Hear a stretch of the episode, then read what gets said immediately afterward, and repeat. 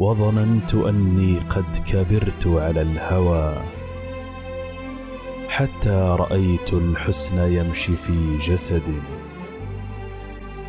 فسألتها متعجبا من حسنها ماذا يريد الغيث في أرض الحسد؟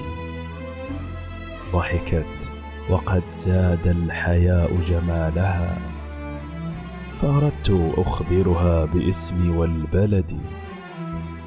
لكنها لكنها رمشت ويبدو أنها أنستني اسمي واختلفت إلى الأبد.